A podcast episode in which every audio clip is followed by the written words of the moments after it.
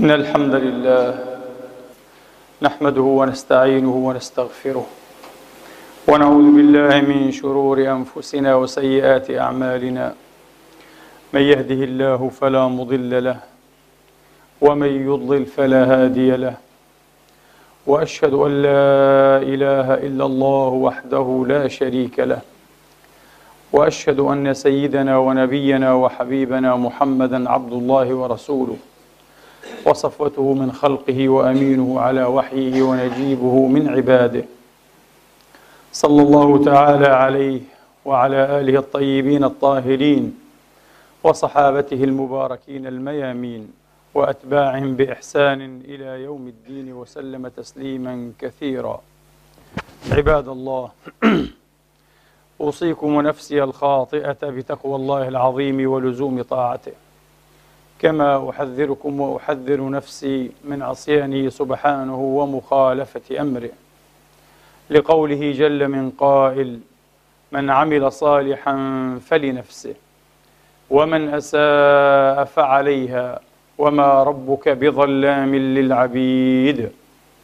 ثم أما بعد أيها الإخوة المسلمون الأحباب أيتها الأخوات المسلمات الفاضلات يقول الله سبحانه وتعالى في كتابه العزيز بعد أن أعوذ بالله من الشيطان الرجيم. بسم الله الرحمن الرحيم. يا أيها الذين آمنوا إن جاءكم فاسق بنبأ فتبينوا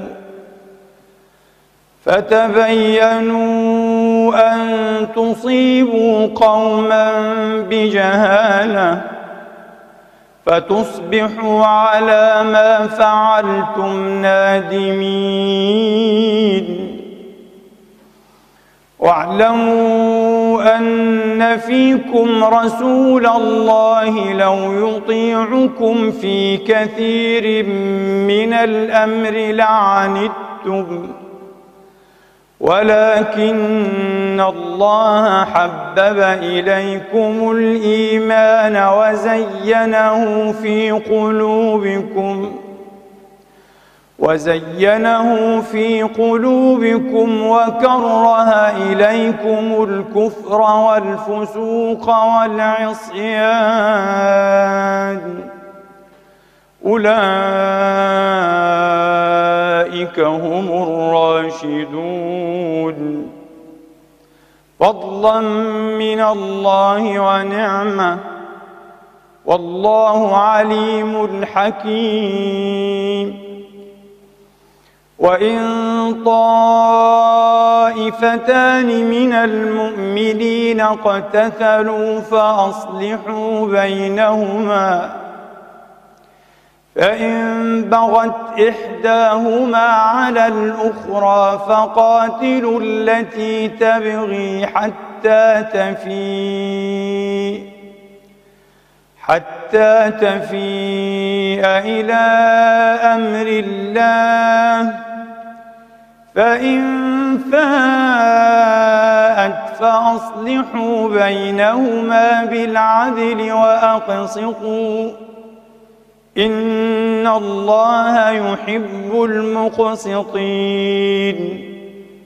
إنما المؤمنون إخوةٌ. فأصلحوا بين أخويكم واتقوا الله لعلكم ترحمون. صدق الله العظيم وبلغ رسوله الكريم. ونحن على ذلك من الشاهدين. اللهم اجعلنا من شهداء الحق القائمين بالقسط. آمين. اللهم آمين. إخواني وأخواتي ليس يحسد امرؤ في مثل هذه الظروف على أن يدلي برأيه. الذي للأسف يلح الكثيرون ويلحون على أن يسمعوا. وفي الحقيقة أنفار قليلون جدا ممن يلحون أن يسمعوا آراء الآخرين هم جادون في أن يسمعوا آراء الآخرين. قليلون جدا يا إخواني خاصة في مثل هذه الظروف. إنما الذي يحدث أنهم يحبون أن يسمعوا ليسجلوا ليسجلوا موقفا. ها أنت كما توقعناك أو لست كما توقعناك. أما الذين يحبون أن يسمعوا آراء الآخرين ليستفيدوا منها ويستثمروها ربما في تغيير زاوية نظرهم أو مناظيرهم قليلون جدا.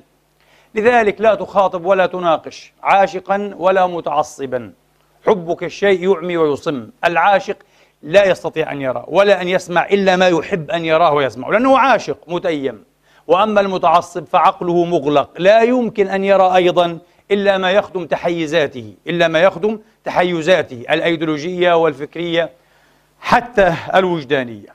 لذلك ليس يحسد امرؤ في مثل هذه الظروف على أن يتكلم. واحدة. ثانيا من كان همه أيها الإخوة أن يدلي برأيه أصاب أو أخطأ عليه ألا يجعل من ضمن همه أن يرضي الناس. لأن رضاء الناس في مثل هذه الأمور التي تشق الأمة من سابع المستحيلات. لا يمكن ترضي هؤلاء وتسخط هؤلاء. إذا ما الحماقة؟ أن تجعل نيتك ووجهك إلى أناس لكي ترضيهم لأنك ستسقط الآخرين. طبعا المتموقعون أصحاب المواقع الجاهزة أيها الإخوة والناجزة بصفتهم متموقعين لا يعنيهم إلا أن يرضوا جهة دون جهة. إلا أن يرضوا جهة دون جهة. في نهاية المطاف أيها الإخوة من البديهي أن نذكر في هذا المقام أن هذه آراء بشرية. هذا رأيي وهذا رأيك وهذا رأيها وهذا رأيهم ليست دينا.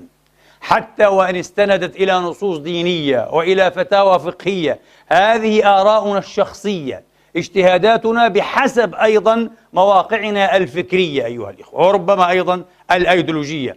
لا يمكن أن نجعلها ولا يصح من الجريمة. مما يزيد أيها الإخوة من تأجج وتأرث النيران نيران الفتن في هذه الأيام أن نجعل آراءنا هذه دينا وأن نحامي عنها على أنها دين وهي من الدين. هذه جريمة مضاعفة فوق ما نحن فيه من فتن وجرائم والتباس وتغبيش في الرؤية إخواني وأخواتي. لذلك هذا رأي من شاء أن يأخذ به فهو ما شاء. من شاء أن يدحضه أن يبين تهافته ألا يأخذ به فهو وما شاء. ليس الأمر أكثر من هذا. فلا تجعلوا خطأ الرأي دينا كما قال الفاروق عمر رضوان الله تعالى عليه مع أنه كان لا يتكلم في شؤون إدارية أو سياسية كان يتكلم في شؤون اجتهادية. اجتهاد في نصوص دينية. اجتهاد في نصوص دينية. قال لا تجعلوا خطأ الرأي سنة. لا تجعلوا خطأ الرأي سنة. فلا تقولوا هذا ما قضى به الله آه، ورسوله وعمر. من عمر؟ قال.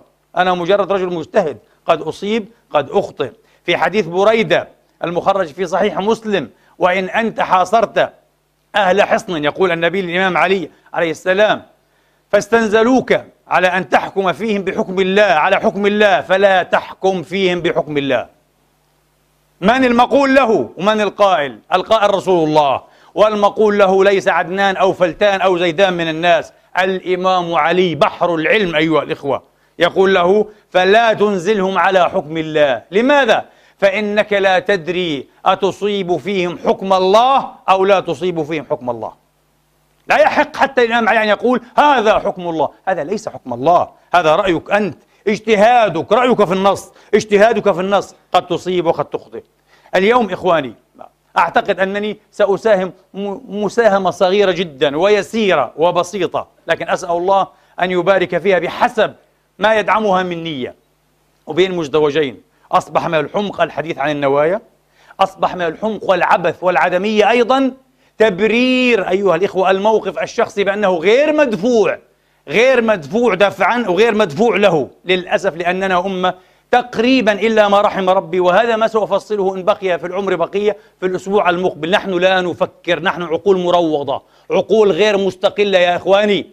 تقريبا معظمنا لا يستطيع أن يفكر لنفسه ولا أن يفكر بعقله ولا أن يرى بعينيه. يريد من يقوده. لذلك يقول لك دلونا سألناكم بالله ما رأيكم في هذا الرجل؟ هذا الرجل مريب يا إخواني دلونا عليه حتى نستريح منه. ماذا مريب ودلونا وأفتونا فيه؟ الفتاوى لا تكون في الرجال الفتاوى تكون في الاجتهادات في الآراء لكن هم يريدون فتاوى في الرجال. قولوا عنه إنه مدفوع قولوا عنه إنه مأجور قولوا عنه إنه يخدم كذا وكذا فننتهي منه. لماذا؟ لأنهم مروضون عقول مروضة.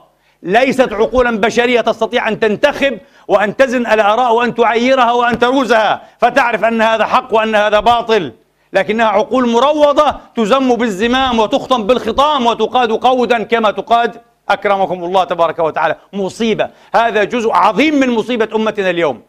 في مساهمة اليوم إخواني وأخواتي سوف ترون بارك الله فيكم جميعا أن هناك لبسا عجيبا جدا جدا بين مفاهيم الجهاد ومفاهيم قتال البغاة ومفاهيم قتال الفتنة وبين ما فعله سيدنا عثمان وما فعله سيدنا علي وبين ما اجترحه الحسن أبو محمد عليه السلام وبين ما فعله الحسين وتخلط الأوراق ولا رؤية واضحة عند أكثر الناس. ثم يتهم أيها الإخوة هذا بالتناقض وهذا بالتشاكس وهذا بالمأجورية وهذا بالمدفوعية وهذا بكذا وعدنا إلى الترويض وتركنا الآراء لماذا؟ أعتقد من سنين بعيدة أيها الإخوة والعبد الفقير يجأر ويصرخ أن الخطاب الإسلامي ليس بخير الخطاب الإسلامي ليس معافا الخطاب الإسلامي خطاب عاطفي خطاب تجييشي خطاب تعبوي لا ينشئ عقولا متزنة عقولا مستقلة عقولا حرة واثقة بنفسها أيها الإخوة تبتغي الحقيقة لوجه الله لوجه الحق سبحانه. إنما خطاب تعبوي فقط تجيشي. يمكن أن يسوق لك أي مقولة ثم يكبر ثم يستحلب الدموع الكاذبة ويصدق الناس ويهتف ثم تضيع البلاد تضيع الأوطان أيها الإخوة وتشوه صورة الأديان ويذبح الإنسان. وما من أحد يستجيب لصوت العقل ما من أحد يريد أن يفهم. طبعا إن أخذت هذا المأخذ وطولت في المقدمات ستنتهي الخطبة مقدمات. فلندع المقدمات فهي كثيرة أيها الإخوة ومكرورة أيضا كثير منها مكرور. أيها الإخوة لن أنخرط ابتداء في الجدال وفي النقاش حول مسائل الآراء الآن حولها مستقطبة. أيضا من سابع المستحيلات أن تجمع الناس فيها على نقاط مشتركة. لن أفعل هذا. هذا سيكون من الخطأ أيها الإخوة. لكن سأحاول أن أحصر نفسي في نقطة أو نقطتين. كل العقلاء وكل الراشدين وكل الذين لا يريدون أن يزرى بعقولهم وبمواقفهم يمكن أن ينظروا إليهما على أنهما نقطتا اتفاق نقطتان مشتركتان. أيها الإخوة النقطة الأولى النقطة الأولى. طبعا ولها مقدمات أيضا لكن ربما تأتي بعد تقرير النقطة. الإخوان المسلمون وحلفائهم من حزب النور وغير حزب النور. فازوا في الانتخابات الرئاسية بأقل من 52% العالم كله يعترف بهذا. يعني على تخوم الخيبة على تخوم الفشل. يعني ليس بينه وبين من لم يفز إلا أقل القليل. هذه حقيقة. لا أعتقد. وعلى فكرة في بين مزدوجين عاد اتهامات متبادلة بالتزوير حتى إيه؟ للذين فازوا. سنترك هذا. هذا ليس من نقاط الاتفاق. لكن ما في تزوير يا سيدي. وانتخابات نزيهة ممتازة ألف ألف. أقل من 52% هذه نقطة اتفاق. نقطة اتفاق أنهم بعد سنة كاملة 12 شهرا من الحكم منجزاتهم أقل بكثير من أفشالهم وخيباتهم. لا تستطيع قياداتهم حتى أن تناقش في هذه المسألة. وقد واجهنا بعضهم بها فلم يحرك كلمة واحدة. قال كان بعض الإنجازات. قلت له الأفشال أكثر بكثير. قال صحيح. أفشل بكثير. الأفشال والخيبات والتراجعات أكثر من أن تعد أيها الإخوة وتذكر. ولذلك يمكن الاستخلاص ببساطة وبسهولة. لو أنهم فعلا ولا يا ليت هذا الذي حصل. كان أفضل مما يحصل الآن. لو أنهم خضعوا لانتخابات مبكرة من المحال من سابع المستحيلات أن يفوزوا فيها. حتما كان سيقال لهم أوت سايد اخرجوا بالخارج. أنتم دخلتم مستحيل أن يقول أحد إلا أن يكون مجنونا بعشق غير مبرر. يحب ما كذا هكذا. آه ليس لوجه الله ليس لوجه الحقيقة أيها الإخوة. آه. وإنما طبعا نحن من نحن؟ نحن محسوبون على المشروع الإسلامي. بين قوسين الذي ما عدت أؤمن به كثيرا. المشروع الإسلامي في الحكم العبد الفقير الحمد لله لي هنا بضع سنوات بدأت أحذر منه. وقبل أن يفوز الإخوان في حكم مصر حذرت منه على هذا المنبر. وقلت الأمة في غنية في غناء أيها الإخوة عن فقاعات وعن بابل مشروع إسلامي في الحكم. والآن سأزيدكم فقط كلمة واحدة وهذا لا بد أن نفيض في القول فيه أيها الإخوة في ساعات وساعات وساعات حتى لا نخدع وحتى لا نلدغ ألف مرة من الجحر ذاته حتى لا تضيع البقية الباقية من أوطاننا أيها الإخوة ومن أدياننا. مش فقط الأوطان تضيع حتى الدين يضيع. وكما قلت مئة مرة من على هذا المنبر يستحيل أن الشباب الذين يرون الآن الدماء تسيل وتسفك في عالم العرب والإسلام باسم الإسلام والدفاع عن الإسلام والجهاد وهذا كافر وهذا مرتد وهذا ملعون أن يقتنعوا بعد ذلك بهذا الإسلام سيرون هذا الإسلام لعنة عليهم. أيها الإخوة لذلك هم أيضا بدأوا وشرعوا في الاتجاه نحو الإلحاد. بعد ذلك اذهبوا ودافعوا عن هذا الدين من على أيها الإخوة من على منابر لن يحضر خطبها إلا أقل القليل.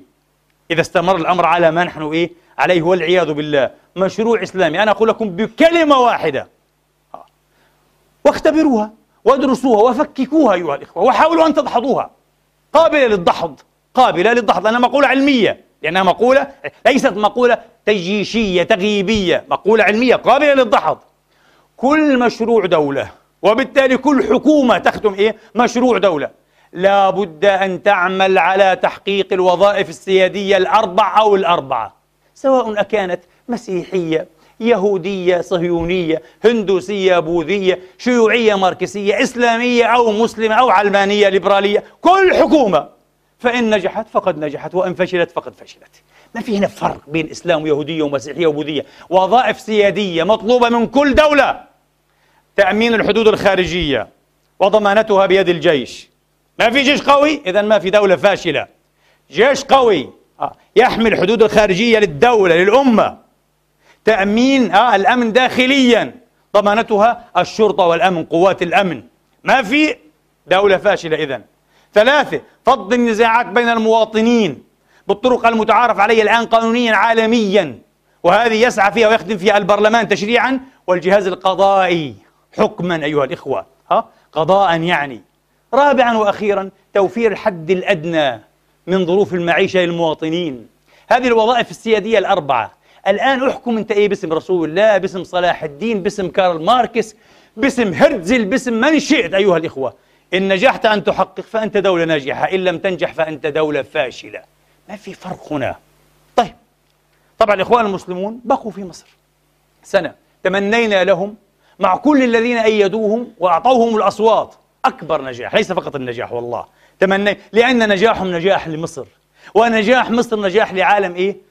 العرب أيها الإخوة والإسلام نجاح! لكن اسألوا أنفسكم فقط ما الذي قدموه للدين؟ هم يعني عندهم مشروع إسلامي. ما الذي اختلف؟ حين حكم هؤلاء باسم الإسلام وحين يحكم غيرهم باسم أي شيء آخر. إلا أن يقال إنهم كانوا يصلون في الجماعات أو التراويح أو الرئيس يصلي في المساجد ونحن سخرنا من هذا من أول يوم. من أول يوم قلنا لا نريد رئيسا يصلي الجمعة في المساجد. كل الرؤساء يفعلون هذا وكأنه هذا إنجاز. لا نريد هذا. نريد خدمة في الاتجاه الاقتصادي.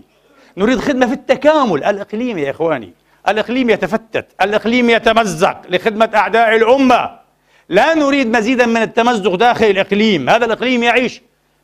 كإقليم أيها الإخوة ويموت ويدمر كإقليم. هذا التفكير الجيوبوليتيكي الجيو استراتيجي ما بدنا نزاعات. مزيدا من النزاعات. على كل حال اسألوا أنفسكم أيضا هذا السؤال الواضح الذي يضع النقاط على الحروف. ماذا قدموا باسم الإسلام؟ باسم الإسلام انتبهوا.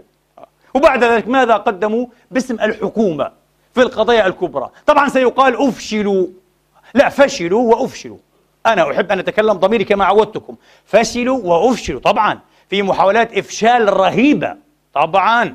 لكن أنا أقول لك هذه السياسة في عالم العرب والمسلمين اليوم. انتبهوا. أنت لا تتحدث عن سياسة في بريطانيا العريقة في الديمقراطية والبرلمانية. لا لا لا. تتحدث عن سياسة العرب الخارجين من ثورات.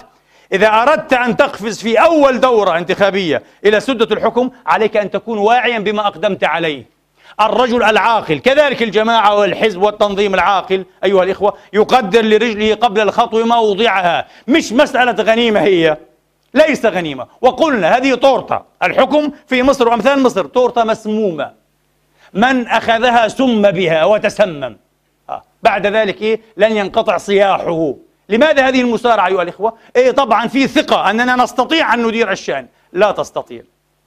لأن الآخرين استطاعوا أن يلعبوا بك نسبيا في هوامش كثيرة وأفشلوك بجدارة بجدارة أفشلوك رأينا كيف حلت مشكلة البنزين في ربع ساعة معناه استطاعوا أن يفشلوك وأنت لم تستطع أن تتصدى لإفشالهم لم يكن لديك حتى آلية لفهم ماذا يفعلون كيف يفعلون هذا؟ تعرف لماذا؟ لأنك مبتدئ ABC في عالم السياسة والإدارة وهم قروش أيها الإخوة لماذا أقدمت على ما لا تحسن؟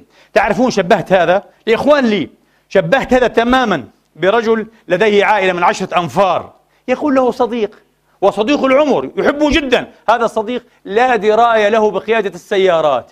يقول له أنا سأقود سيارة من التي تتسع إيه لعشرة أو لاثني عشر نفرا.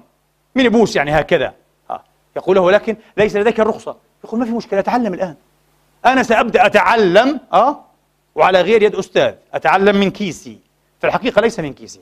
من كيس أولادك. لماذا؟ لأنه يطالبك بأن تركب معه أولادك الاثنى عشر أو العشرة. وأنت أيضا وزوجتك. تركب في هذا ال minibus وهو سيتعلم بكم. أنا أقول لكم هذه ليست حماقة هذه جريمة. هذه جريمة.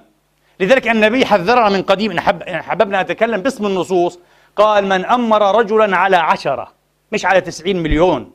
تقود لي تسعين مليون وأنت لا خبرة لك بعالم السياسة على الإطلاق. على فكرة بين قوسين ما بدنا نتكلم اترك الأقواس. أقول لك يا إخواني حين النبي يقول من أمر رجلا على عشرة وهو يعلم أن فيهم من هو أرضى لله منه أنت تريد أن تعمل تسييرا إدارة لشؤون عشرة من الناس مش 90 مليون لكن لا تقدم الأكفأ. الأرض هو القوي الأمين القوي الأمين. ما معنى الأمين؟ الثقة. لكن ما معنى القوي؟ الكفؤ الكفاية قبل الثقة. الكفاية وفي عالم السياسة والإدارة ها؟ الثقة مطلوبة لكن بدرجة ثانية المطلوب بدرجة أولى دائما ماذا؟ الكفاية سئل الإمام أحمد ندخل في في المنطق الديني البسيط للأسف آه. سئل الإمام أحمد وما نحتاج الإمام أحمد على فكرة ولا حتى لهذه النصوص تعرفون لماذا؟ هذه شؤون يقررها الدرس الدارسون والخبراء فيها هذه شؤون لا تحتمل أن يدخل فيها مشايخ وجهات أنظار بحديث ضعيف وحديث صحيح وقال ابن تيمية وقال إيه سيد قطب يا أخي ما ينفع هذا تدمير لنا تدمير لمشاريعنا تدمير حتى لثوراتنا ومنجزاتنا آه. ماذا سئل الإمام أحمد؟ سئل عن رجل فاسق إلا أنه قوي ما معنى قوي؟ كفو آه. كفو كفاية قدرة وعن رجل تقي لكنه عاجز أيهما نؤمر؟ على الجيش في جيش في حرب في موت فقال يؤمر أو يقدم الفاسق القوي. فاسق بيشرب خبر ممكن بحافظش على الصلوات لكن قوي قائد محنك. النبي عليه السلام لما أسلم خالد بن الوليد وعمرو بن العاص وعيد الحديبية إيش يقول؟ يقول ما أمر علينا في شأن حرب غيرنا ولا مرة يقول عمرو بن العاص النبي من يوم ما أسلمت؟ ما حط واحد أمير علي. وليه يا عمرو بن العاص؟ أنت أسلمت بعد الحديبية. قال لك أنا كفاية عسكرية. المسألة مش حكاية تقي ولحية وبصلي كثير لا لا لا لا. مسألة أنه كفاية. أسلم. عنده عنوان الإسلام. والحمد لله. هذه الأمة مسلمة. إلا إذا أصبحنا تكفيريين عاد. وكل من يختلف معنا في السياسة نبدأ نغمز قناة دينه ونقول مرتدين ونقول منافقين ونقول كفار. واللهم أرنا فيهم عجائب قدرتك. هذه مصيبة. هذه داهية ما لها من واهية. ما بتتخيط هذه. هذه ما بتتخيط. خلاص. دمرت الأمة. وهذا اللعب بالدين على فكرة. هذا هو اللعب بالدين. أن تخوض السياسة بوساخة السياسة بأوحال السياسة تدخل مخاضة السياسة. على فكرة وبتقدم تنزلات وتنازلات من أوسخ ما يكون. بدناش نتحدث عن التفاصيل. اللي بتابع وبفهم بيفهم إيش اللي بيصير. وبعدين حين تفشل أو تفشل أو تفشل وتفشل معا. هذه هو الصيغة الأكثر عدالة في الحقيقة. هو فشل وأفشل. آه؟ هذا المشروع. تبدأ تقول الإسلام والكفر. الحرب على الإسلام الحرب على المساجد الحرب على المشايخ. كلام فارغ. الإسلام قبلك ومعك وبعدك. قبل أن تأتي وقبل أن تحكم الإسلام موجود والعلماء موجودون والناس تصلي وتصوم وتحج وتطالب وأنت نشأت في هذه البيئة اللي تزعم. وحندخل في سيد قطب الحين عاد هو الجاهل والكلام الفارغ هذا وجاهلية وما فيش إسلام. أصبحنا خوارج أصبحنا تكفيري اترك هذا اترك هذا. إياكم. هذا أخسر طريق على فكرة للعدمية لكي يعدم أي تنظيم أي فكر أي مخطط أي ايديولوجيا دينية. تتوسل شيئين التكفير النزعة الخوارجية والقتل العنف. تنتهي. أنا أقول لكم تنتهي وبسرعة أقصر طريق لإنهائها. فليختر كل ما أراد لنفسه يا إخواني. لكن دائما الإسلام يدفع الثمن للأسف الشديد. أنا أقول لكم نحن نغضب نغضب جدا حين تسفك قطرة دم واحدة آه، من بريء يا إخواني. وهذا حصل؟ ويحصل في كل بلادنا للأسف. اللي فيها نزاعات. دماء كثيرة بريئة تذهب. هكذا هدرا. يقتلون ظلما للأسف الشديد. نغضب جدا. لكن نغضب. قد نغضب مرة أو عشر مرات ونغضب مئة مرة حين تسفك الدماء باسم الدين باسم الجهاد. لأنها حين تسفك بغير اسم الدين ذنبها وعارها عارها شنارها تبعتها على من سفكها. سواء كان ملحدا علمانيا إيش ما يكون العار عليه وعلى اتجاهه. وحين تسفك باسم الجهاد وباسم ما لكم إذا قيل لكم انفروا في سبيل الله ثاقلتم إلى الأرض وباسم باسم الأحاديث والنصوص. تعرفون ما الذي إيه؟ يجلل بهذا العار؟ من الذي يدفع الثمن؟ هتقول لي لا المسلمون. غير صحيح. الإسلام. الإسلام. الإسلام من دي إيه؟ من سمعته من عرضه من وقاره من تقديسه في قلوب الناس. تعرفون لماذا؟ لأن الناس ليسوا فلاسفة. فقط الفلاسفة أيها الإخوة والمفكرون العظام هم القادرون على التجريد أن يجرد. يقول لك لا أنا لن أحمل خيبات المسلمين على الإسلام. لن أحمل عار المسلمين على الإسلام. لا هذا فقط الفيلسوف. الناس لا يفهمون هذا. الناس لا يستطيعون أن يفهموا هذا يا إخواني. يقول لك هذا هذا الدين. طبعا أنا أفهم أفهم في الدين. سيقول لك وأفقه في الدين. من رجال الدين؟ من الجماعات الإسلامية؟ اللي لهم 20 و30 و70 و80 سنة في الإسلام. أفهم منهم أنا يا أخي. هم عملوا هيك. هم قالوا جهاد جهاد في الداخل. قتل الأخ لأخيه أه؟ تقويض أركان الدولة ذبح الناس حرب أهلية. سوريا جزائر. بس بس بس يا أخي افهموا. ينبغي أن نكون صادقين مع أنفسنا. مش تستثيرنا فقط مجرد مشاهد. طفل قتل امرأة قتلت. هذا حدث حتى أيام الصحابة يا إخواني. لما يصير في نزاع تعرفون ماذا قال الرسول؟ في حديث ابن عمر عند الطبراني. قال في الفتنة لا يرى القتل شيء. لا يرى القتل شيئا. في الفتنة بصير القتل شيء عادي والنبي يعرف الكلام هذا. لذلك حذر وحذر وحذر وحذر وحذر إلى أن لقي الله من الفتن. وكان يدعو الله أن تجنب أمته الفتن ما ظهر منها وبطن. يصير أسهل شيء في الفتن. القتل يا إخواني الاغتيال التصفيات الذبح الهوية. بصير كل إنسان عدو للآخر كأنه إيه؟ يعني بينهما عداوة شخصية ومش عداوة شخصية. ما بيعرفوش يقتله بحنق بغضب يشفي عليه. غليله في من؟ في إنسان لا يعرفه لأنه من الجهة الأخرى. يا جماعة لماذا؟ وتقتل النساء والأطفال وكذا. يقتل البراء. هذا قول النبي في الفتنة لا يرى القتل شيئا. ما في القتل شيء. عادي النبي يقول وعارف هو. لذلك يا إخواني آه، ولا بد أن أن نحاول أن نؤصل لهذه المسائل دينيا. نحاول أن نؤصل لها دينيا. على كل حال على كل حال. إذا أعتقد نقطة الاتفاق أه أن الإخوة فشلوا وأفشلوا. ما في كلام فشلوا. واحد يقول لا نجحوا. كلام فارغ.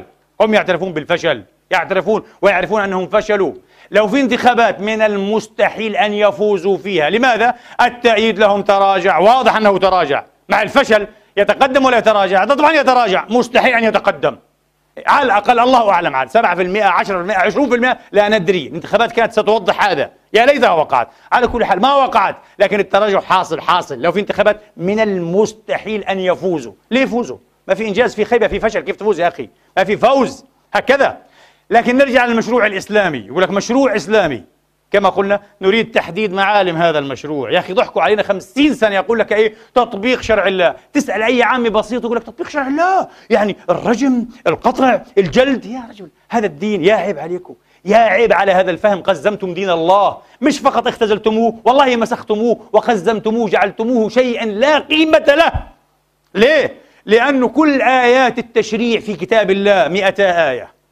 وهذا عليه جماهير الأصوليين. من 6236 آية فقط عندك وقلت هذا عدة مرات. حين تحدثت عن الاختزال والاختزال المضاعف والمثلث. اختزلنا الدين اختزالا مثلثا. أيها الإخوة 100 آية من 6236 آية. يعني أقل من واحد على 30 ومش هيك وبس. ومن آيات التشريعات تشريع في الجهاد وفي الحج وفي العمرة وفي الصيام وفي الطلاق والأحوال الشخصية والمو... في كل شيء. 200 آية فقط. 200 آية. يعني جوهر الدين مش التشريع. واحد يقول طب إيش هذا؟ إذا 200 آية فقط هي أي 200 آية؟ هي آيات التشريع. طب إيش بصير جوهر الدين؟ جوهر الدين تربية. وأخلاق وروحانية واتجاه وكدح إلى الله تبارك وتعالى ورؤية كونية عملاقة إنسانية. هذا الدين يا إخواني مش التشريع وحلال وحرام وفقهاء. اليوم دين الناس فقه ما فيه. العالم عندهم الفقيه. لو عالم يطلع المنبر ويتحدث في قضايا كونية وفلسفية وعقلية وتامل يقول لك هذا دين هذا بتحدث؟ هذا الدين يا أخي. هذا جوهر الدين. أن يبني لديك رؤية كونية عملاقة تستطيع أن تفهم بها قضية الوجود والإنسان والحياة. والدنيا والآخرة والعلاقة مع الرب لا إله إلا هو بشكل معمق مش بشكل مشايخي مواعظ سطحي ساذج فقط قدر على التعبئه أو التجيش ليذبح الناس بعضهم بعضا في اللحظات الحرجة من تاريخ الأمة ليس هذا طيب 200 آية آيات التشريع وآيات القصاص والحدود أه؟ آيات جلد الزنا والقاذفين آيات قطع السارق آيات المحاربين إيه؟ إيش هذا؟ كم؟ هذه تسع آيات بالتفصيل يعني هي يعني أربعة حدود في كتاب الله في تسع آيات. تسعة على 200 على 6236 شوف لعد يعني يمكن بيطلع واحد على 600 ولا شيء زي هيك ولا أقل حتى من هذا. شيء مش معقول. مش معقول. ولك تطبيق الشريعة. ليس هذا هو أي شرع الله الذي أراد الله أن يطبق يا حبيبي. هذا الفهم أنت؟ لذلك الحقوق قبل الحدود. الحقوق قبل الحدود. قبل أن تتكلم بكلمة عن جلد وقطع ومش عارف إيه وها. آه من الحدود. عليك أن توفر للناس ماذا؟ الحقوق. الحقوق. وأنا أقول لكم كل مشروع يحدثك عن تنمية روحية للإنسان وهو لا يوفر له رغيف العيش الحياة في الحد الأدنى. مشروع دجال. والله العظيم دجال. تعرف لماذا؟ الإنسان لا يمكن أن يفكر في العبادة ولا في ذكر الله وعقله مشغول 24 ساعة كيف يطعم أولاده.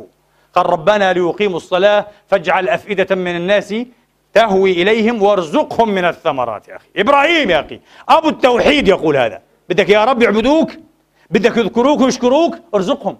وفر لهم إيه؟ المعاش وفر لهم المعاش. لذلك فيما يروى أيها الإخوة لا معاد لمن لا معاش له. ما في آخرة لمن لا دنيا له. فتقول ليش مشروع إسلامي؟ مشروع إسلامي إيه؟ فهمني يعني إيه؟ أول ما تقول لي مشروع إسلامي آه؟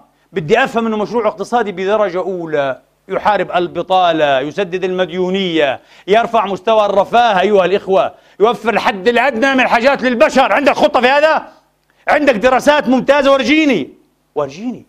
مش كلام هكذا تضحك علي أنت باسم الإسلام؟ وبعدين لا يقال منهجنا طريقتنا فهمنا للإسلام مشروعنا الإسلامي. لا يقال الإسلام هو الحل. شوف الدجل. الإسلام هو الحل؟ أي إسلام؟ الإسلام هو الحل؟ أنت تملكه الإسلام؟ واحد يقول لي عجيب طبعا أنت الآن شوف مصر مرجعيات مختلفة تماما. شوف السلفيون في مصر عدة اتجاهات وكل اتجاه مرجعية ويختلف على الآخر. آه. والسلفيون في جهة والإخوان في جهة. وغير هذا من المدارس طبعا أقل بكثير ما لهاش أي ظهور قوي لكن كلها مرجعيات وهذه مرجعية وهذه مرجعية والكل يتحدث باسم الإسلام. عن أي إسلام تتحدثون؟ لا بأس أن يختلف الناس هذا شيء جميل. أه؟ نحن نباركه أن يختلف الناس لكن انتبهوا دون أن يتناحروا دون أن يتكارهوا دون أن يتكافروا ويكفر بعضهم بعض ودون أن يدجلوا على الناس. لا تقل لي الإسلام هو الحل.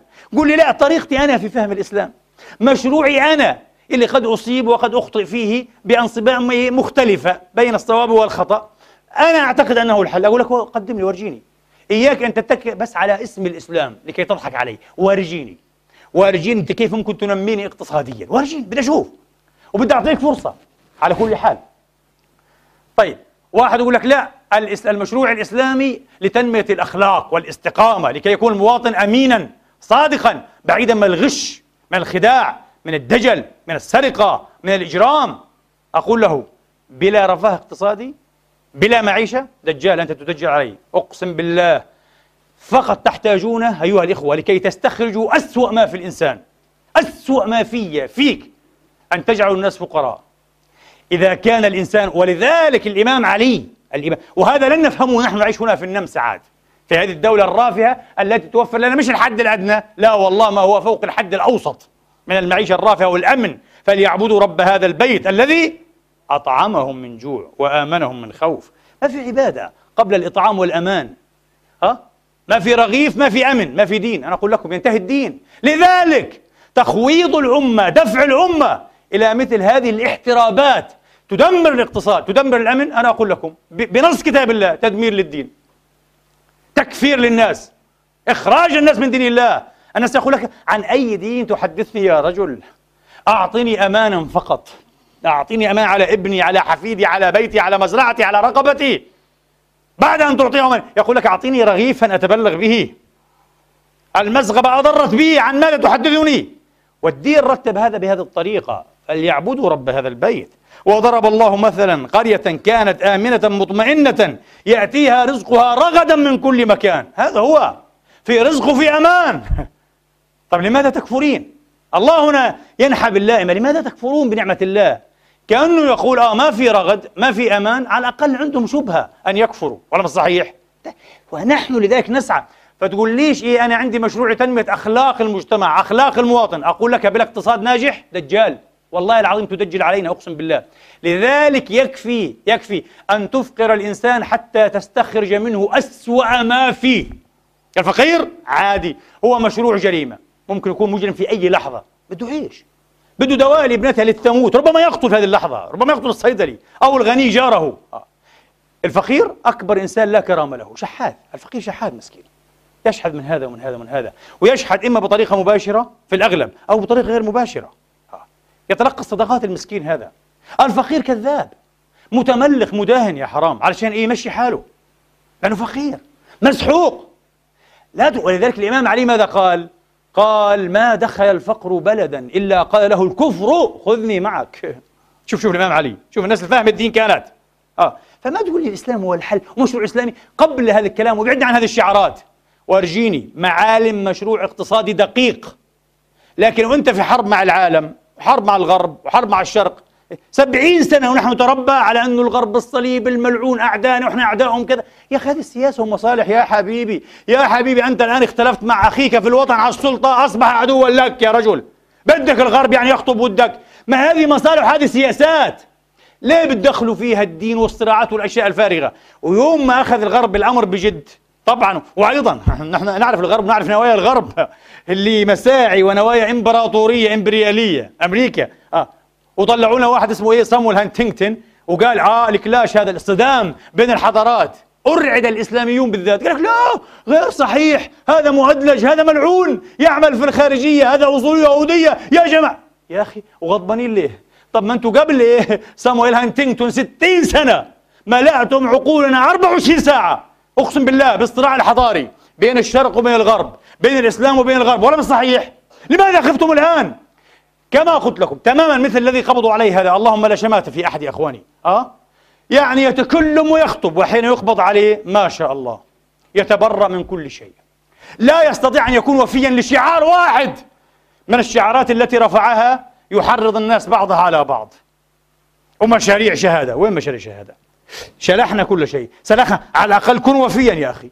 لمبدأك حتى لو أدى بك إلى المشنقة. إلى المخصرة ما في مقاصد. لا المشنقة. لا يا أخي. وهكذا يلعبوا نوع من التعبئة الكاذبة. صراع صراع حضارات الغرب الصليبي. الغرب قال ممتاز. أنا آمنت بهذا النموذج في التحليل. نحن في حالة صراع. أنا كغرب سأتصدى لكم. سنص أخذتها بجد يا غرب اتق الله يا رجل. إحنا بنكذب على قواعدنا. نكذب على الاولاد تاعونا وعلى فكرة ما اعتقدش واحد قال هذا الكلام قبلي. أنا قلت هذا يمكن في ال 94 قلت صدم أناسا كثيرين في محاضرة مطولة ست ساعات عن صراع الحضارات. قلت ليش الإسلاميون زعلانون؟ لماذا نحن غاضبون؟ نحن الذين أيها الإخوة لحنا هذا اللحن ضربنا على هذا الوتر خمسين ستين سنة والله العظيم يا إخواني. في كل كتاباتنا في كل دراساتنا ماذا نريد؟ نفس الشيء الآن. تسمع شيوخا يدعون إلى أن يأتي الشباب من كل أنحاء العالم. هذه المشكلة مش مشكلة مصرية هذه. مش مشكلة إيه داخلية. أيا كان توصيفها. توصيفه عندك انقلاب عسكري. أنت حر. توصيفه عند الآخرين لا هذا إيه؟ إرادة شعبية. دعمها العسكر. خشية أن تثور حرب أهلية. هو حر. توصيف ثالث مؤامرة أمريكية. آه مع السيسي. حر. توصيف رابع مؤامرة أمريكية مع مرسي والإخوان. حر. خمسين ألف وجهة نظر. بس ولا واحد حر يستقوي بالخارج. وينادي الخارج وينادي القتلة يقول تعالوا من كل مكان من هنا ومن هنا ومن هنا وكونوا شهداء على أرض مصر. الله أكبر يا أخي. حسبنا الله ونعم الوكيل. حسبنا الله شيء لا يصدق. طبعا حتى نبقى في نقطة الاتفاق. من أجل ماذا؟ كونوا بالله فكروا بوعي. من أجل ماذا؟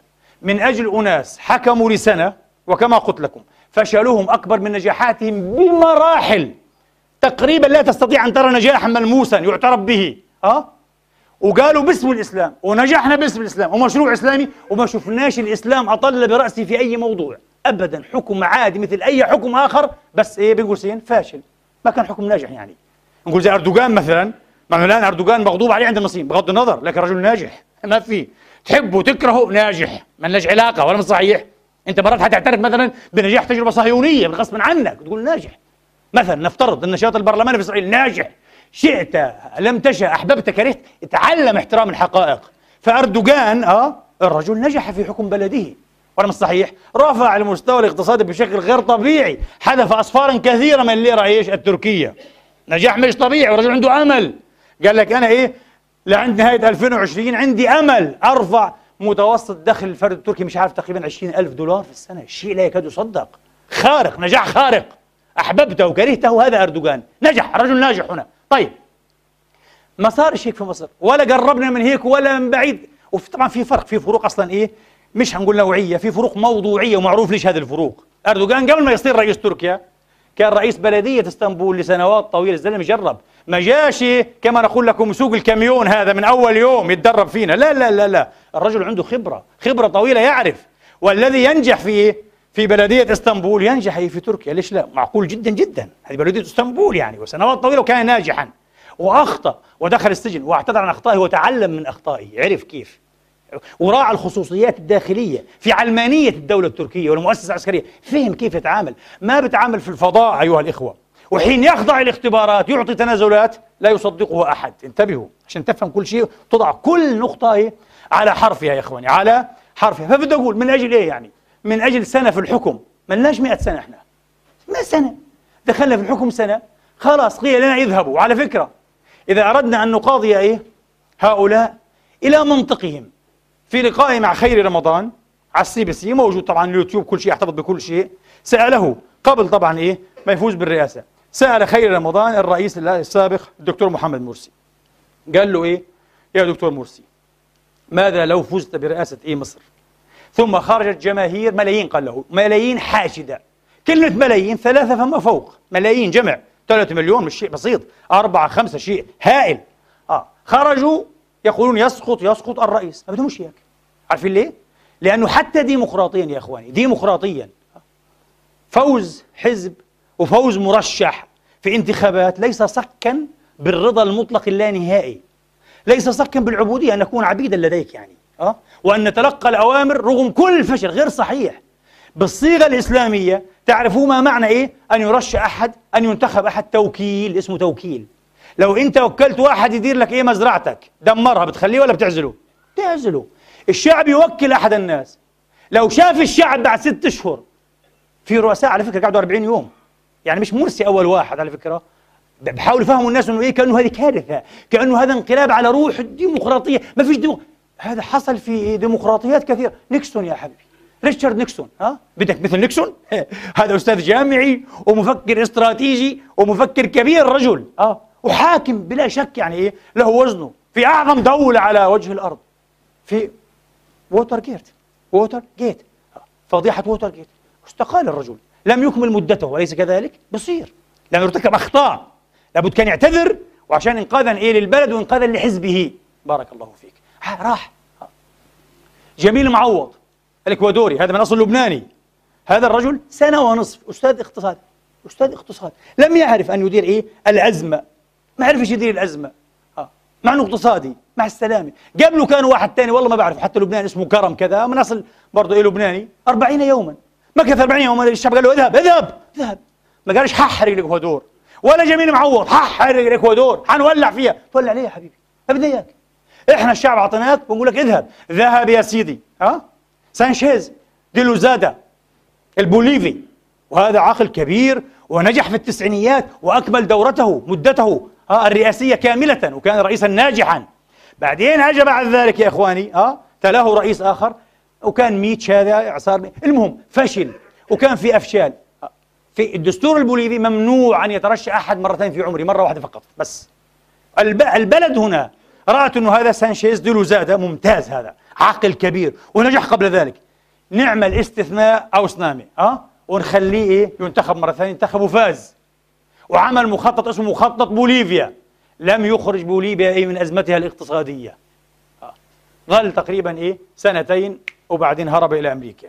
الشعب بده يكسته تكسير مع إنه منتخب. فشلت قالوا أنت فشلت. خيبتنا يا خايب. وراح حرب الامريكا مع عادي. بصير هذا وبصير وما زال بصير يا إخواني. عبد الرحمن واحد. مش محمد مرسي. عبد الرحمن واحد. مين عبد الرحمن واحد هذا؟ الأندونيسي. العالم. ابن العالم. ابوه عالم. وهو عالم وسياسي كبير وكان زعيم إيه؟ زعيم النهضة. شو النهضة تاعت أندونيسيا؟ إيش النهضة هذه؟ المسجلون فيها رسميا أكثر من 30 مليون عضو. عبد الرحمن واحد كان زعيم النهضة. وفاز لأول مرة في تاريخ أندونيسيا وهو الرئيس الرابع. في إندونيسيا بانتخابات حرة نزيهة لأول مرة انتخابات حرة نزيهة. والرجل زعيم لتنظيم يعد 30 مليون مسجلين رسميا غير متعاطفين معه الرجل إيه؟ ما أكملش سنتين. قيل له أنت فشلت في فضايح. لم تحسن أن تحاكم سكارنو الرئيس إيه؟ آه الأسبق. لا لا السابق يعني عفوا مش الأسبق آه. لم تحاكم إيه سكارنو ولا زمرة الفساد تاعت سكارنو وبعدين في فضائح مالية عليك وعلى جماعتك وطلعوا له. قال لك قانون الطوارئ. طوارئ. المحكمة الدستورية قالت له لا ممنوع. هذا قرار خاطئ.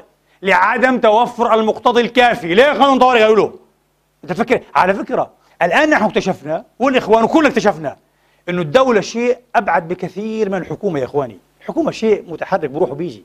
عادي. إيه. الرئيس حكومة كل هذا بروح بيجي الدولة شيء أعمق بكثير. طبعا الإخوان حاولوا أن يضعوا أيديهم على مفاصل الدولة وهذا سبب لهم معاناة وأيضا كان أحد أسباب فشلهم فيما عرف بأخونة الدولة. ما تقدرش يقولوا غلط لهذا الحزب أو لهذه الجماعة. ممنوع. هذه دولة مصرية عريقة في جيش هذا يتبع الدولة. جهاز أمن يتبع الدولة. الجهاز القضائي يتبع الدولة. هذه أجهزة دولتية مؤسسات دولتية مش حكومية. لذلك الآن كانت مشكلته مع من؟ مع الدولة أيها الإخوة. مع الدولة. وطبعا نسبيا أيضا مع الشعب مشكلتهم مع الشعب. كثير ممن أيدوهم الآن إيه؟ عادوا عن تأييدهم. لأسباب ليس هذا إيه؟ مقام ذكرها. يختلف الناس أيضا في تقديرها وفي تقدير أوزانها النسبية. في فرق بين الحكومة في فرق بين الدولة. مش معناها أنك انت فزت بالحكومة وفزت بالرئاسة معناها أخذت الدولة. لا لا لا. الدولة تبقى شيئا مختلفا. كان عليك أن تلعبها صح وتتناغم حتى النخاع مع المؤسسات الدولتية. مش تستثيرها عليك بغرور في غير وقته بغير حتى إيه سبب كافي وتستفز الجيش وتنسب إليه فضائح أن الجيش يقتل ابنائه من غير أي دليل. شيء لا لا يصدق. بعدين تقول لي إيه إحنا ما غلطناش. لا ونغلط فينا. الغلط أكبر من هيك معقد مسألة معقدة جدا. اذا مش أول مرة في التاريخ مش أول مرة في تاريخ الديمقراطيات إنه رئيس ما يكملش إيش دورته. الناس ما كملتش. بس أنا أقول لكم بصراحة الشيء الجديد في الحالة اللي إحنا فيها وهذا المزعجنا. لذلك أنا حين طلب مني أن أتكلم والله العظيم ما أحببت أن أتكلم. ما بدي أتكلم لأنه سأقول عن طبعا. ملايين سيلعنونني وأنا ما أنا في غني الناس تدعو علي وتلعني. لكن يرجع يقول لك اتكلم أخرج عن صمتك. أنت مش عارف إيه أنت اشتروك. ما نترك هذا. على كل حال لما تكلمت أيها الإخوة وتكلمت برأيي تكلمت عن نقطة اتفاق واحدة قلت مش حخوض في الخلاف. بس إياكم إياكم إياكم أن تجروا مصر إلى الحرب الأهلية. إياكم أن تذهبوا بمصر إلى حرب أهلية. غضبوا جدا. طب هل هذا الكلام فيه غلط يا إخواني؟ حسبنا الله ونعم الوكيل. وأنا بتحدث عن مصر. عن مصر ومعروفة من هي مصر وإيش إيه يعني عراقة مصر في الدين. إحنا تكلمنا كلام شبيه بهذا في تركيا في حق سوريا. وسوريا مين؟ بشار الأسد. البعث.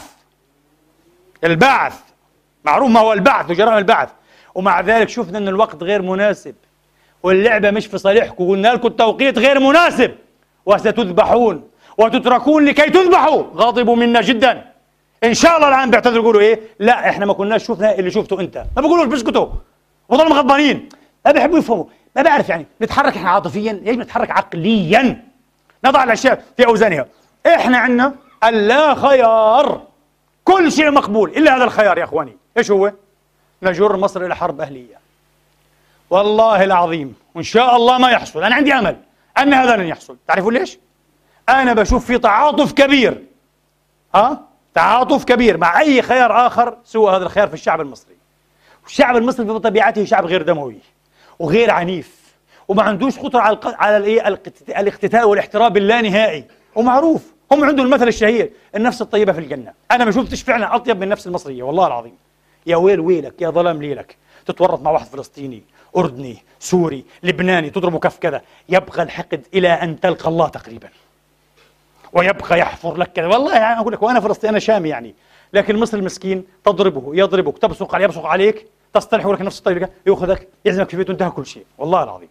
شعب فعلا طيب. ونسأل الله أن يحفظه بطيبته وأن يحقن دماءهم جميعا. وكما قلت لكم كل قطرة دم والله العظيم تسيل من مصر تزعجنا تؤلمنا من أي طرف كان. كل قطرة دم بريء. تعرفوا الدم الوحيد اللي ممكن ما نتأسف عليه كثير؟ دم الذين يحرضون على الدماء. دم الذين يحملون ما تسفك به الدماء. أه؟ ظلما لهذا الشعب وظلما لهذا البلد الطيب. لا يا إخواني. إياكم إياكم. ومرة أخرى. إياكم أن تجروا مصر إلى حرب أهلية. تعرفون أكبر خاسر من؟ أنتم؟ أنا أقول لكم أكبر خاسر واحفظوا هذه الكلمة. أقصر طريق لإنهاء أي تنظيم وأي جماعة أن تنقلب إلى خوارج تكفر المجتمع أه؟ والحكومة والناس. اثنين وأن تحمل السلاح. أقسم بالله هذا أقصر طريق لإنهائها أبديا وستنتهي. مهما حاولت تنتهي أبديا. إذا في نية عاد لإنهاء هذا شيء آخر. لكن علينا أن نستعيد العقل والحكمة يا إخواني نستعيد العقل والحكمة. طيب إحنا لفينا بكم هاللفة الطويلة هذه. نرجع. إذا نكثف ونلخص ونحوصل. الأمر ما بيستاهل. ما بيستاهل سنة. ما عبرناش فيها عن أي إنجاز إسلامي حقيقي في الحكم. وما أنا لوم بالقصة هذه يعني. شو إنجاز إسلامي في الحكم؟ والله ما أنا فاهم صراحة آه. الإنجاز الإسلامي زي غير الإسلامي كما قلنا. طيب ما عبرناش. آه. إنه نيجي إيه بعد ذلك نحرق البلد. من أجل نستعيد الحكم. ليه؟ ما بيستاهل الأمر سواء كنا محقين أو مبطلين ما بيستاهل. تعرفون على فكرة والصدق أنا لم أكمل خير رمضان ماذا قال لي مرسي؟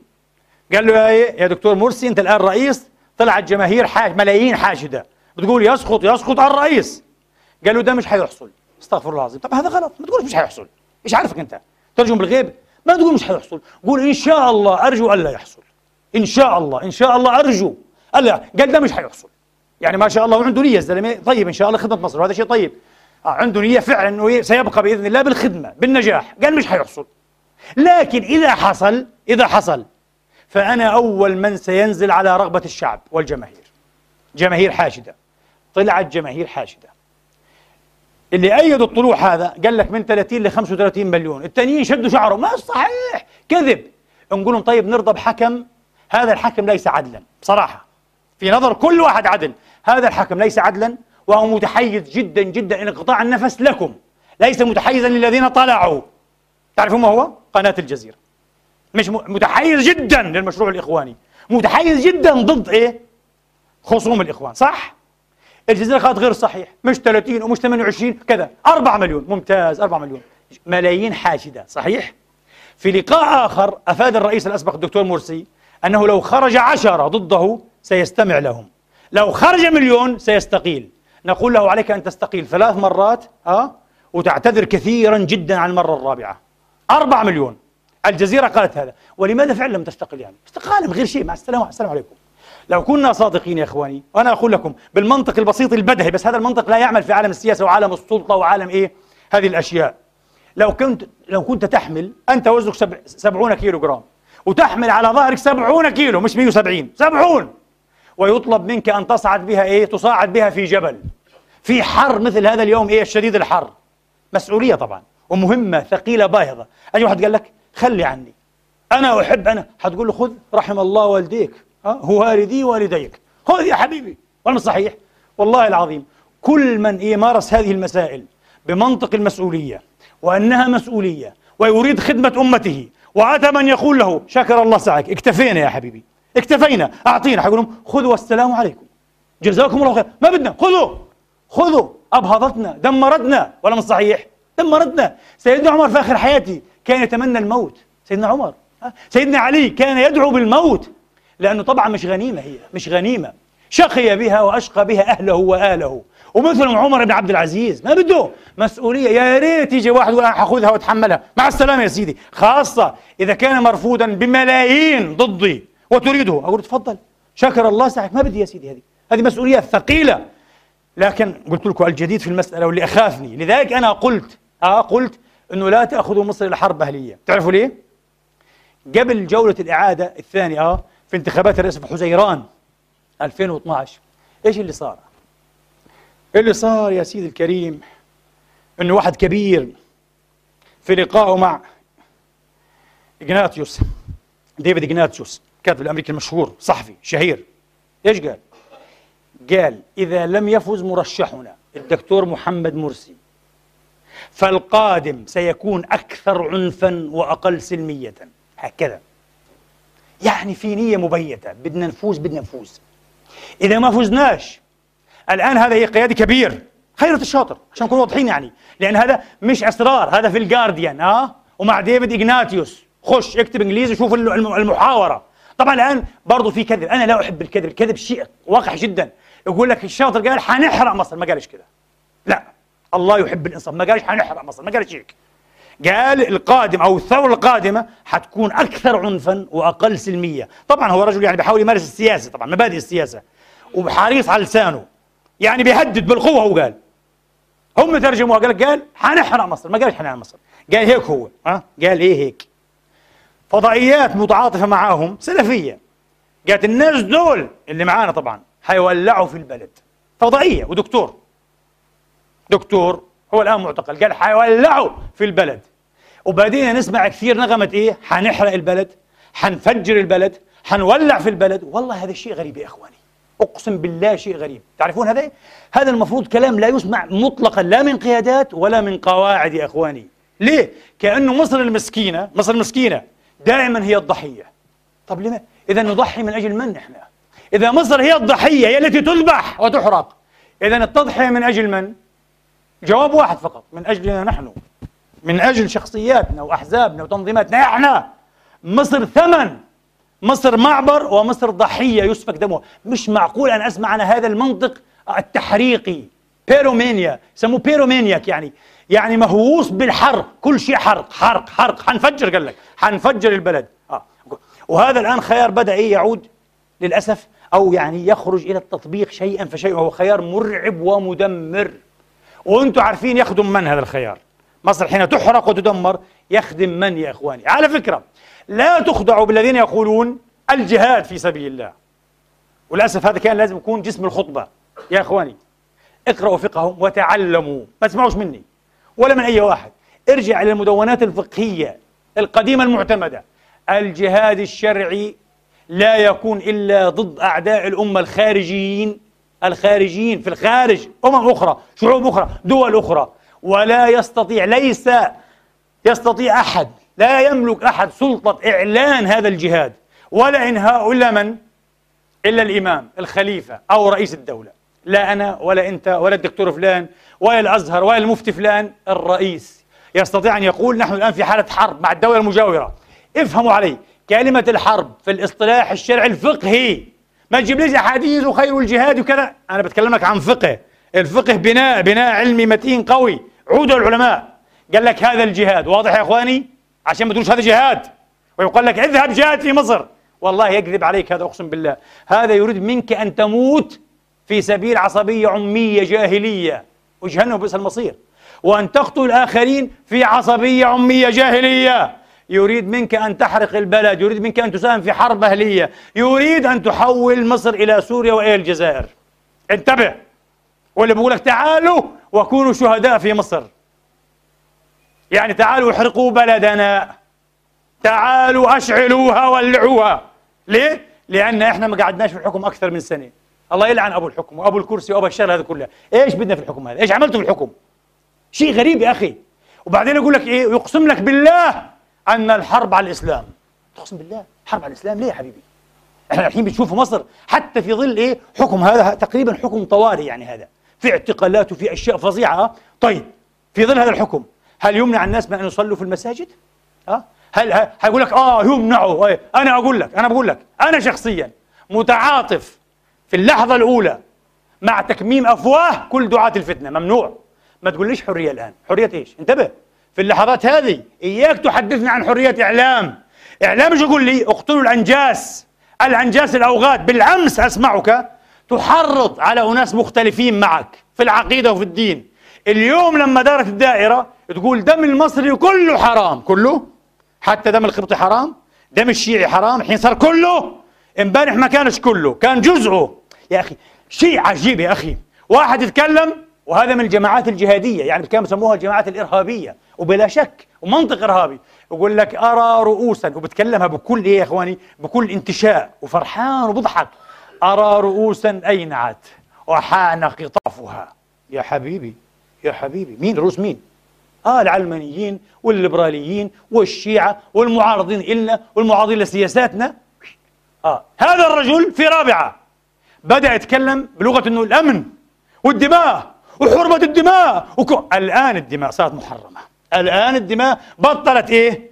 أينعت وحان قطافها كم أكره هذه الإزدواجية؟ إزدواجية لعينة بغيضة يا إخواني. ها وزي ما قلت لكم ودائما آه، اللعبة بالدين باسم الدين باسم كذا شيء عجيب. طيب واحد يقول لي أنت متناقض مع نفسك يا عدنان. أنت متناقض. ليه؟ أنت لك سنين على المنبر وبتأيد الحسين عليه السلام وثورة الحسين وأبو الشهداء وسيد الشهداء. إيه، طيب إحنا الآن بدنا نعمل نفس الشيء بدنا نستشهد. والله غير صحيح حبيبي. غير صحيح تماما. وفرق بعيد ما السماء الأرض من خمسين ألف زاوية. بس بدنا نشوف من زاوية. أنا بقول لكم الحسين لم يخرج طالبا للحكم. مش رغبة في الحكم ولا رغبة في كرسي ولا حسدا ونفاسة ليزيد بن معاوية على الكرسي. أبدا. حاشا الحسين يكون هذا. حاشا الحسين يكون كذلك. الحسين رأى الإسلام فعلا يذبح. على فكرة الذي جعل الحسين يثور ويخرج هو الذي حمل أهل المدينة بعده. بأقل من سنتين على على أن يثوروا عن بكرتهم ويخرجوا.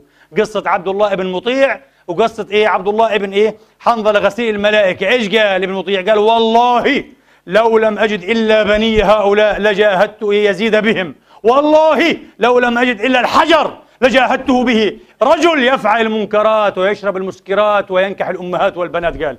قال زرناه في الشام وشفناه يا حبيبي. إيش هالزنديق هذا؟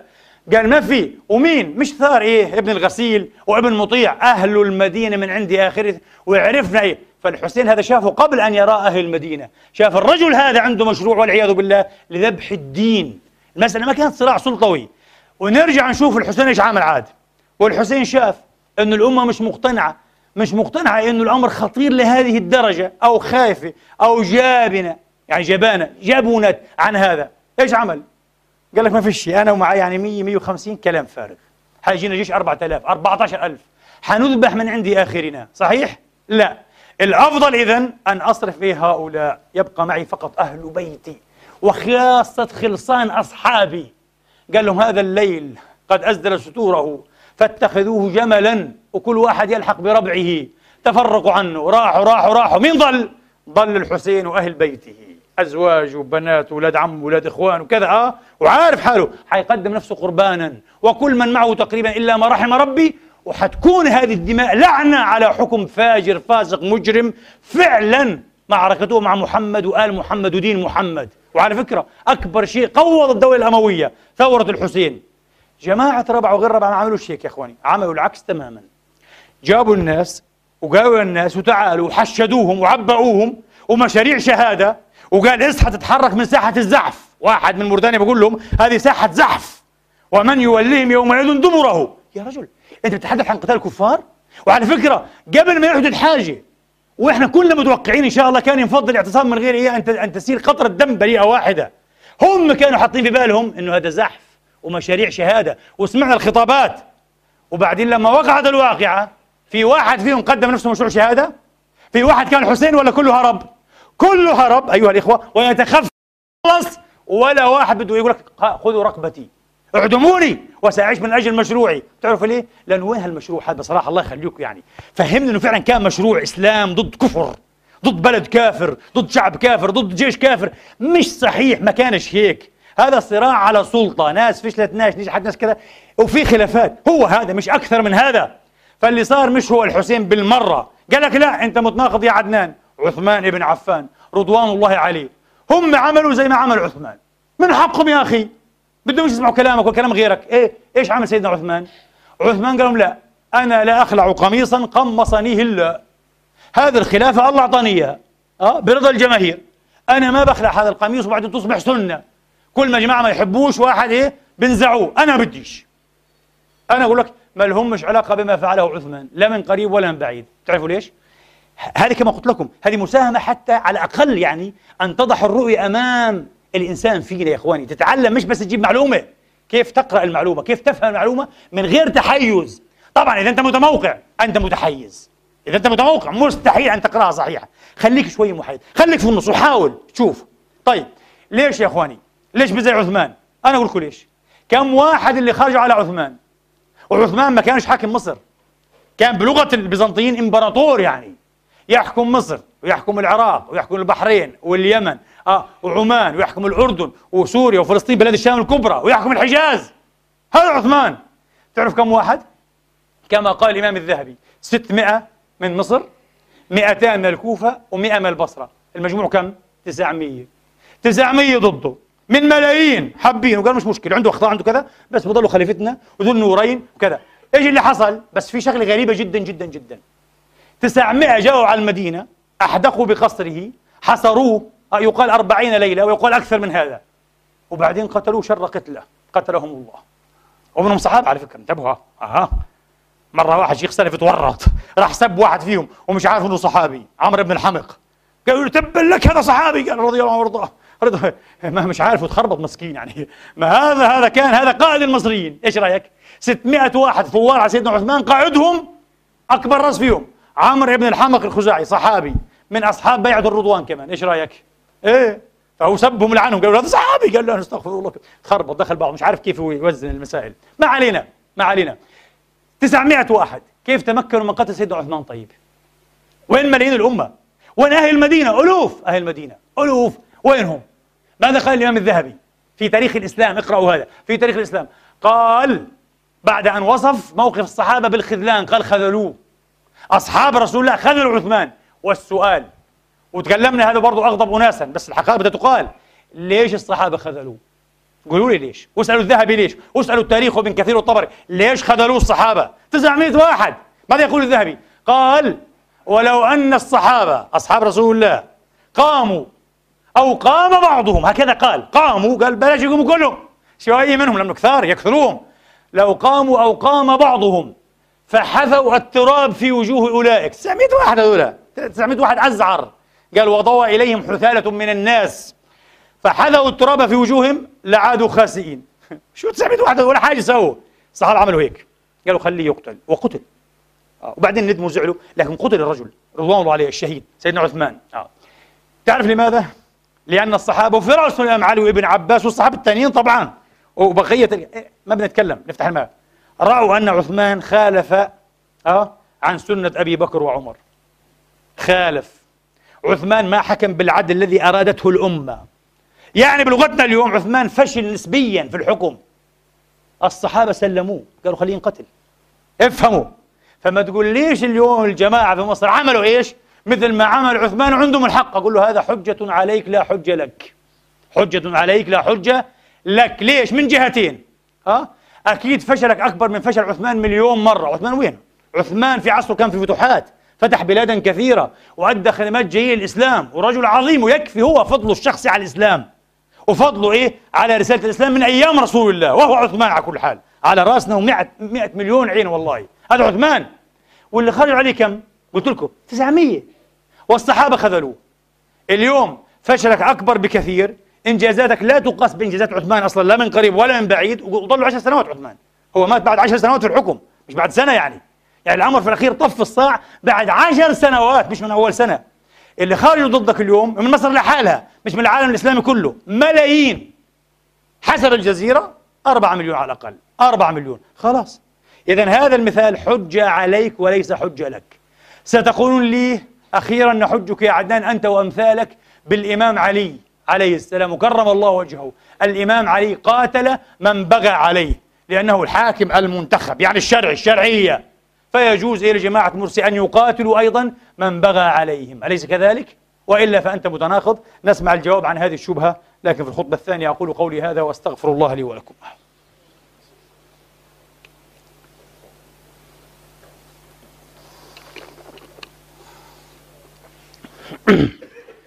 الحمد لله الحمد لله الذي يقبل التوبة عن عباده ويعفو عن السيئات ويعلم ما تفعلون. ويستجيب الذين آمنوا وعملوا الصالحات ويزيدهم من فضله. والكافرون لهم عذاب شديد وأشهد أن لا إله إلا الله وحده لا شريك له. وأشهد أن محمدا عبده ورسوله صلى الله تعالى عليه وعلى آله وأصحابه وسلم تسليما كثيرا. أما بعد إخواني نفس الشيء وهذه حجة عليهم وليست حجة لهم بحال. لماذا؟ لأن البغاء على الإمام علي قلة في إزاء الذين إيه ناصروه وظاهروه وقبلوا أن يقاتلوا معه. كل الأمة الإسلامية كانت باستثناء أهل الشام وقرية واحدة في مصر. خربت تقريبا اسمها. قرية قرية يمكن فيها أي 3000 ولا 2000 حتى ولا أقل. وبس. وبقية الأمة الإسلامية من عند آخرها مع الإمام علي عليه السلام. آه، ولذلك عندهم حكم شرعي بأن يقاتلوا البغاة. وعندهم إذن من رسول الله. عمار تقتله الفئة الباغية ومعروف من هي الفئة الباغية ومن هو إمام الفئة الباغية. بس في شغلة أهم من هيك. سألفت إليها يا إخوان انتبهوا. آه وربما يعني إيه لا تجدون أي من يلفت إليها بشكل واضح. انتبهوا. في قتال علي لأهل الشام والقتال المحتمل كان أن يقع بين الحسن وبين أهل الشام.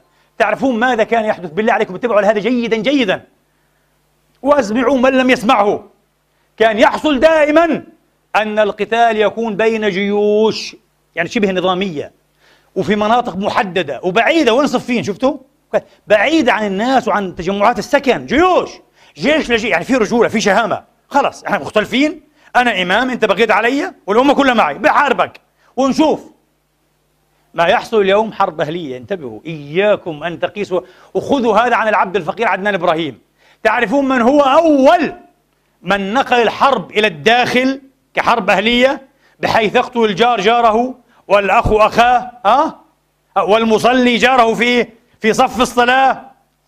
الفئات الفئات البعيدة عن الإسلام ومنطق الإسلام القرامطة الحشاشون. هذا منطق القرامطة ومنطق الحشاشين. يقتلون الناس في المساجد في القصور في البيوت في الشوارع في الليل شيء رهيب. يريدون أن يحولوها إيه؟ إلى نزاع داخل حرب أهلية. اللي حصل مع الإمام علي مع الإمام الحسن مع حتى مع الحسين. حروب جيش لجيش بعيد عن الحرب الأهلية. تعرفوا ليش طيب؟ ليه؟ بس قبل ما أقول ليش عشان تفهم بالضبط وين القتال اللي بغاه إيش اللي بيصير في, في العالم. ما يضحك عليكم بمصطلحات شرعية مش واضحة مش واضحة. ويلعب على كونها غامضة يا إخواني. الإمام علي وافق في الأخير على الصلح ولا ما وافقش؟ على التحكيم. وفي أي لحظة؟ في اللحظة التي كان فيها أدنى إلى النصر. يعني كان بينه وبين هزيمة جيش الشام ساعات. لما أدرك هذا عمرو بن العاص خلاص رفع الايه المصاحف الحيلة هذه. تفتق عن هذه هي عمرو بن العاص المصاحف. قالوا له هذه حيلة قال لهم هذه حيلة. أعيروني سواعدكم ساعة قال لهم. ينتهي كل شيء. طلعوا الخوارج الحمقى هؤلاء. الخوارج. لا ما بصحش. يطلبون أن يحكم كتاب الله. كيف نرفض كتاب الله؟ لا. يا جماعة قالوا هذه حيلة. حيلة عمر هذه. ما فيش فايدة خذلوه؟ قال ما في مشكلة. هنا في سؤال بطرحه على الشيعة وبطرحه على السنة. ما معنى تصرف الإمام علي هذا؟ انتبهوا هذا الشيء مهم جدا جدا. أنه قتال البغاة في نهاية المطاف ليس واجبا وجوبا قطعيا جزميا. إنه لازم في كل الأحوال. لا لا لا لا. مسألة اجتهادية. إن أمكن التصافي وحل المشكل أيها الإخوة بين المبغي عليه وبين الباغي بأسلوب آخر غير القتال هذا جائز شرعا. بل أزيدكم إيه من البيت شعر إيه من الشعر بيتا؟ رأي الجماهير خلافا لأبي حنيفة أنه يحرم المصير إلى القتال إن أمكن الصلح بغير قتال. إذا الجمهور يعني الشافعي ومالك وأحمد لم يأخذوا بقول الله تعالى فقاتلوا التي. بالعكس هم أخذوا بما بما قبل هذا أصلحوا. إذا فجر الصلح بعد ذلك في ناس يأخذوا الشيء نصفه. أبو حنيفة قال مكروه. قال مش حرام لكن مكروه. لو أنه إيه لم يسعى في الصلح وذهب إلى القتال مباشرة يكون وقع في الكراهة. الجمهور قال وقع في الحرمة وقع في الحرمة لكن مش لازم يعني مش شرط. لذلك يا إخواني احفظوا هذا أيضا. قتال البغاء ليس من الحدود الشرعية. تعرفوا الحدود أنتم؟ حد السرقة وحد الزنا أه؟ ما فيش منها حد البغي ليس حدا. ليه؟ لأنه الحد لابد أن يكون إيه؟ محددا آه؟ مفروضا دقيق له بداية ونهاية معروف. 100 جلدة 80 جلدة قطع اليد إلى آخره. هنا ما في. هذا مسألة. وقتال أحكامهم تختلف. أحكامهم تختلف. آه. والأهم كما قلت لكم مش حرب أهلية. قتال جيش لجيش. الإمام علي قال لو كانت هذه نية حقيقية في الصلح وتسوية الأمور يا حي هلا لكنها أخدوعة وقد كانت أخدوعة. طب الإمام الحسن ها هذا هو. هذا الذي أردنا إيش؟ على فكرة أنا إلي سنوات بحكي عن الحسين كثيرون جدا. ضد يقول لك لا ليش عن الحسين؟ احكي عن الحسن يا سيدي. ليش تحكي على الحسين؟ احكي على الحسن، الحسن تنازل لمعاوية اللي انت بتحبوش، تنزل له الرجل فاحنا ناخذ قدوتنا الحسن. لما صار في اختبار وابتلاء الحسن ما صارش قدوة. والله العظيم. نحي الحسن قال لك لا الحسين. انثور. أنا بقول بدك تثوروا؟ ثوروا كمثال الحسين. ورجيني. عملت عكس ما عمل الحسين تماما. هربتم أنتم وضحيتم بأبناء الناس. أما أنتم؟ هربنا خلاص ما في آه وبعضهم طبعا كما قلت تخلى عن مبادئه خلع خلع المبادئ بالكامل. طبيعي طبيعي. وهو ليس منهم على كل حال. آه. نرجع الحسن الحسن ماذا فعل؟ الحسن رأى أنه هذا صراع على السلطة. فعلا واضح أنه صراع على إيه؟ السلطة. سيكلف الأمة كثيرا جدا. جيش العراق كان 200 ألف. جيش الشام كان 200 ألف. عندك 400 ألف زهاء نصف مليون. لو دارت راح المعركة الحمراء كم سيموت؟ ربما يموت أكثر من نصفهم. حسن قال عشان إيش؟ عشان السلطة. طيب على كل حال هو معاوية ما قالش إنه هو زنديق ولا قال كافر بيموت على محمد. بيقول إنه مسلم وبصلي بصوم يلا نتنازل على الخلافة بشروط والشروط إيه؟ معروفة. فإحنا بنقول يا ريت اتخذنا الحسن عليه السلام قدوة لنا مع الفرق بين السماء والأرض. فرق كما بين السماء والأرض بيننا وبينه. الحسن بايعته الأمة كلها إلا أهل الشام. ولا صحيح؟ مرسي بايعه 51% من الشعب المصري فقط عشان تفهموا عشان تفهموا إيش المسائل. يعني الحسن قدوة له ولجماعته مليون مرة ينبغي أن يكون قدوة له مليون مرة دون أن يطرف له جفن ولا صحيح وفي الأخير أختم بجملة واحدة أنا أقول لكم في يعني أضعف الاحتمالات واحد كله يقول كلامك هذا كله أنا غير مقتنع به وأنا مزعوج منه وإنت وإنت وإنت مشكلة آه في أضعف الإيمان أنا سأوافق سأبصم لك. على كل مقبولاتك على كل مفروضاتك أن الجماعة يستحقون الحكم ويستحقون ثلاث سنوات ليكملوا دورتهم الرئاسية كاملة وأنه بغي عليهم وظلموا بغير وجه حق. أنا سأتفق معك وسأقول لك رغم هذا كله الخيار الصحيح هو الوحيد أن ينسحبوا بهدوء؟ لئلا يدخلوا مصر في حرب أهلية. لأنك أنت بتفترض بالذات إيه؟ أن الجيش في رأسه موال انقلابي بده غنيه والجيش باطش وعنيف وسيذبح. وأنا أقول لك وأنت تعلم أن قوتك لا تستطيع أن تضارع قوة الجيش ولا تستطيع أن تقوم الجيش. شفنا الجيش في سوريا ما شاء الله وآخر جرائمه أول امبارح الساوى الآن كيمياوي صار كيمياوي ألوف ألوف. حنشوف المجتمع الدولي إيش يعمل الآن؟ قالوا كيمياوي خط أحمر تقريبا الآن ثبت استخدام الكيماوي. ماذا سيفعل المجتمع الدولي؟ والله شيء بجنن يا أخي شيء عجيب. البصير لكن أنا أفهم ماذا يحصل. ما أكذبش عليكم. أنا من الأول كنت فاهمه ويمكن متبجح شوي اغفروا لي وسامحوني آه وادعوا لي. آه الله يرزقني التواضع. أنا فاهم كل شيء من الأول وفاهم كل اللي بصير هذا وأنا بقول لكم واللي بصير كله هذا بصير كما ينبغي انه يصير. اللي بصير مطلوب نذبح. مطلوب نتفانى. مطلوب تذهب أعداد كبيرة منا. لذلك بقول لكم ضنوا بمصر. ابخلوا بمصر. أه؟ تكرموا لأجل عيون الحق. أيها الإخوة واحفظوا مصر. حرام يصير في مصر زي اللي بصير إيه؟ في سوريا اليوم. حرام حرام حرام. في أضعف الاحتمالات هقول لهم أنتوا أنتوا أنتوا على الحق انسحبوا وقولوا حسبنا الله ونعم الوكيل. أه؟ وانسحابنا مش زي ما قال الشيخ فلان والشيخ فلتان وعلنتان إنه حيكون خذلان للإسلام وحرب على الإسلام وذبح الإسلام تالله إن هذا لهو عين الكذب. أقسم بالله هو التدجيل على الناس. كذب يا إخواني. وبعدين بعدين إذا بدك رأي بعد كل هالمذابح هذه والمجاز اللي إلا فيها سنوات وعقود في العالم العربي. أقول لكم والله العظيم أه؟ ينبغي أن تترك السياسة لتلعب بقواعدها في ساحات السياسة لمن يحسن هذا. مش معناها إذا أنت إسلامي ممنوع تلعب سياسة بالعكس لازم تلعب سياسة. بس كيف تلعبها؟ سياسة. تلعب السياسة؟ سياسة. ولما تفشل في السياسة برضه بتحلها إيه؟ بالسياسة. ما تدخلش الدين. الله يخليك. ما تدخليش براس السياسة وتطلع لي بقرن الدين وتقول لي بعدين إيه؟ كافر وزنديق وحرب على الإسلام وجيش وتذبح الأمة. هذا دجل. هذا اسمه دجل وتدجيل. وبعدين بصراحة الالتباس في الهوية مرفوض الآن. يعني إيه؟ يعني بكلمة واحدة. حدد من أنت. أنت إيش؟ أنت جماعة دعوية؟ بدنا نفهم. أنتوا جماعة دعوية؟ إذا جماعة دعوية أه؟ إيش الضرورة العجيبة هذه للتنظيم الخاص والتنظيم الهرمي والتنظيم العالمي؟ شغلة أخطبوطية رهيبة مخيفة. ليه؟ ليه؟ ليه؟ وبعدين أنا هنا في بلدي سواء كنت في مصر وغير مصر أتلقى أوامر من الخارج. ليش؟ مين هو هذا التنظيم العالمي اللي بده يدير لشأن المصري الداخلي وغير المصري؟ مين هو؟ وليش؟ وكيف أسلم رغبتي أنا؟ أنا بقول لكم هذا الكلام على الأمة أن تتعافى منه. هذا شيء مخيف. وبعدين نيجي نكتشف في الأخير يعني أنا بدي أعطيكم كلام خطير بس والله ما كنت حابب أحكي الكلام هذا كله أقسم بالله بس قلبي مليان. بدي. التباس الهويه مرفوض انتهينا.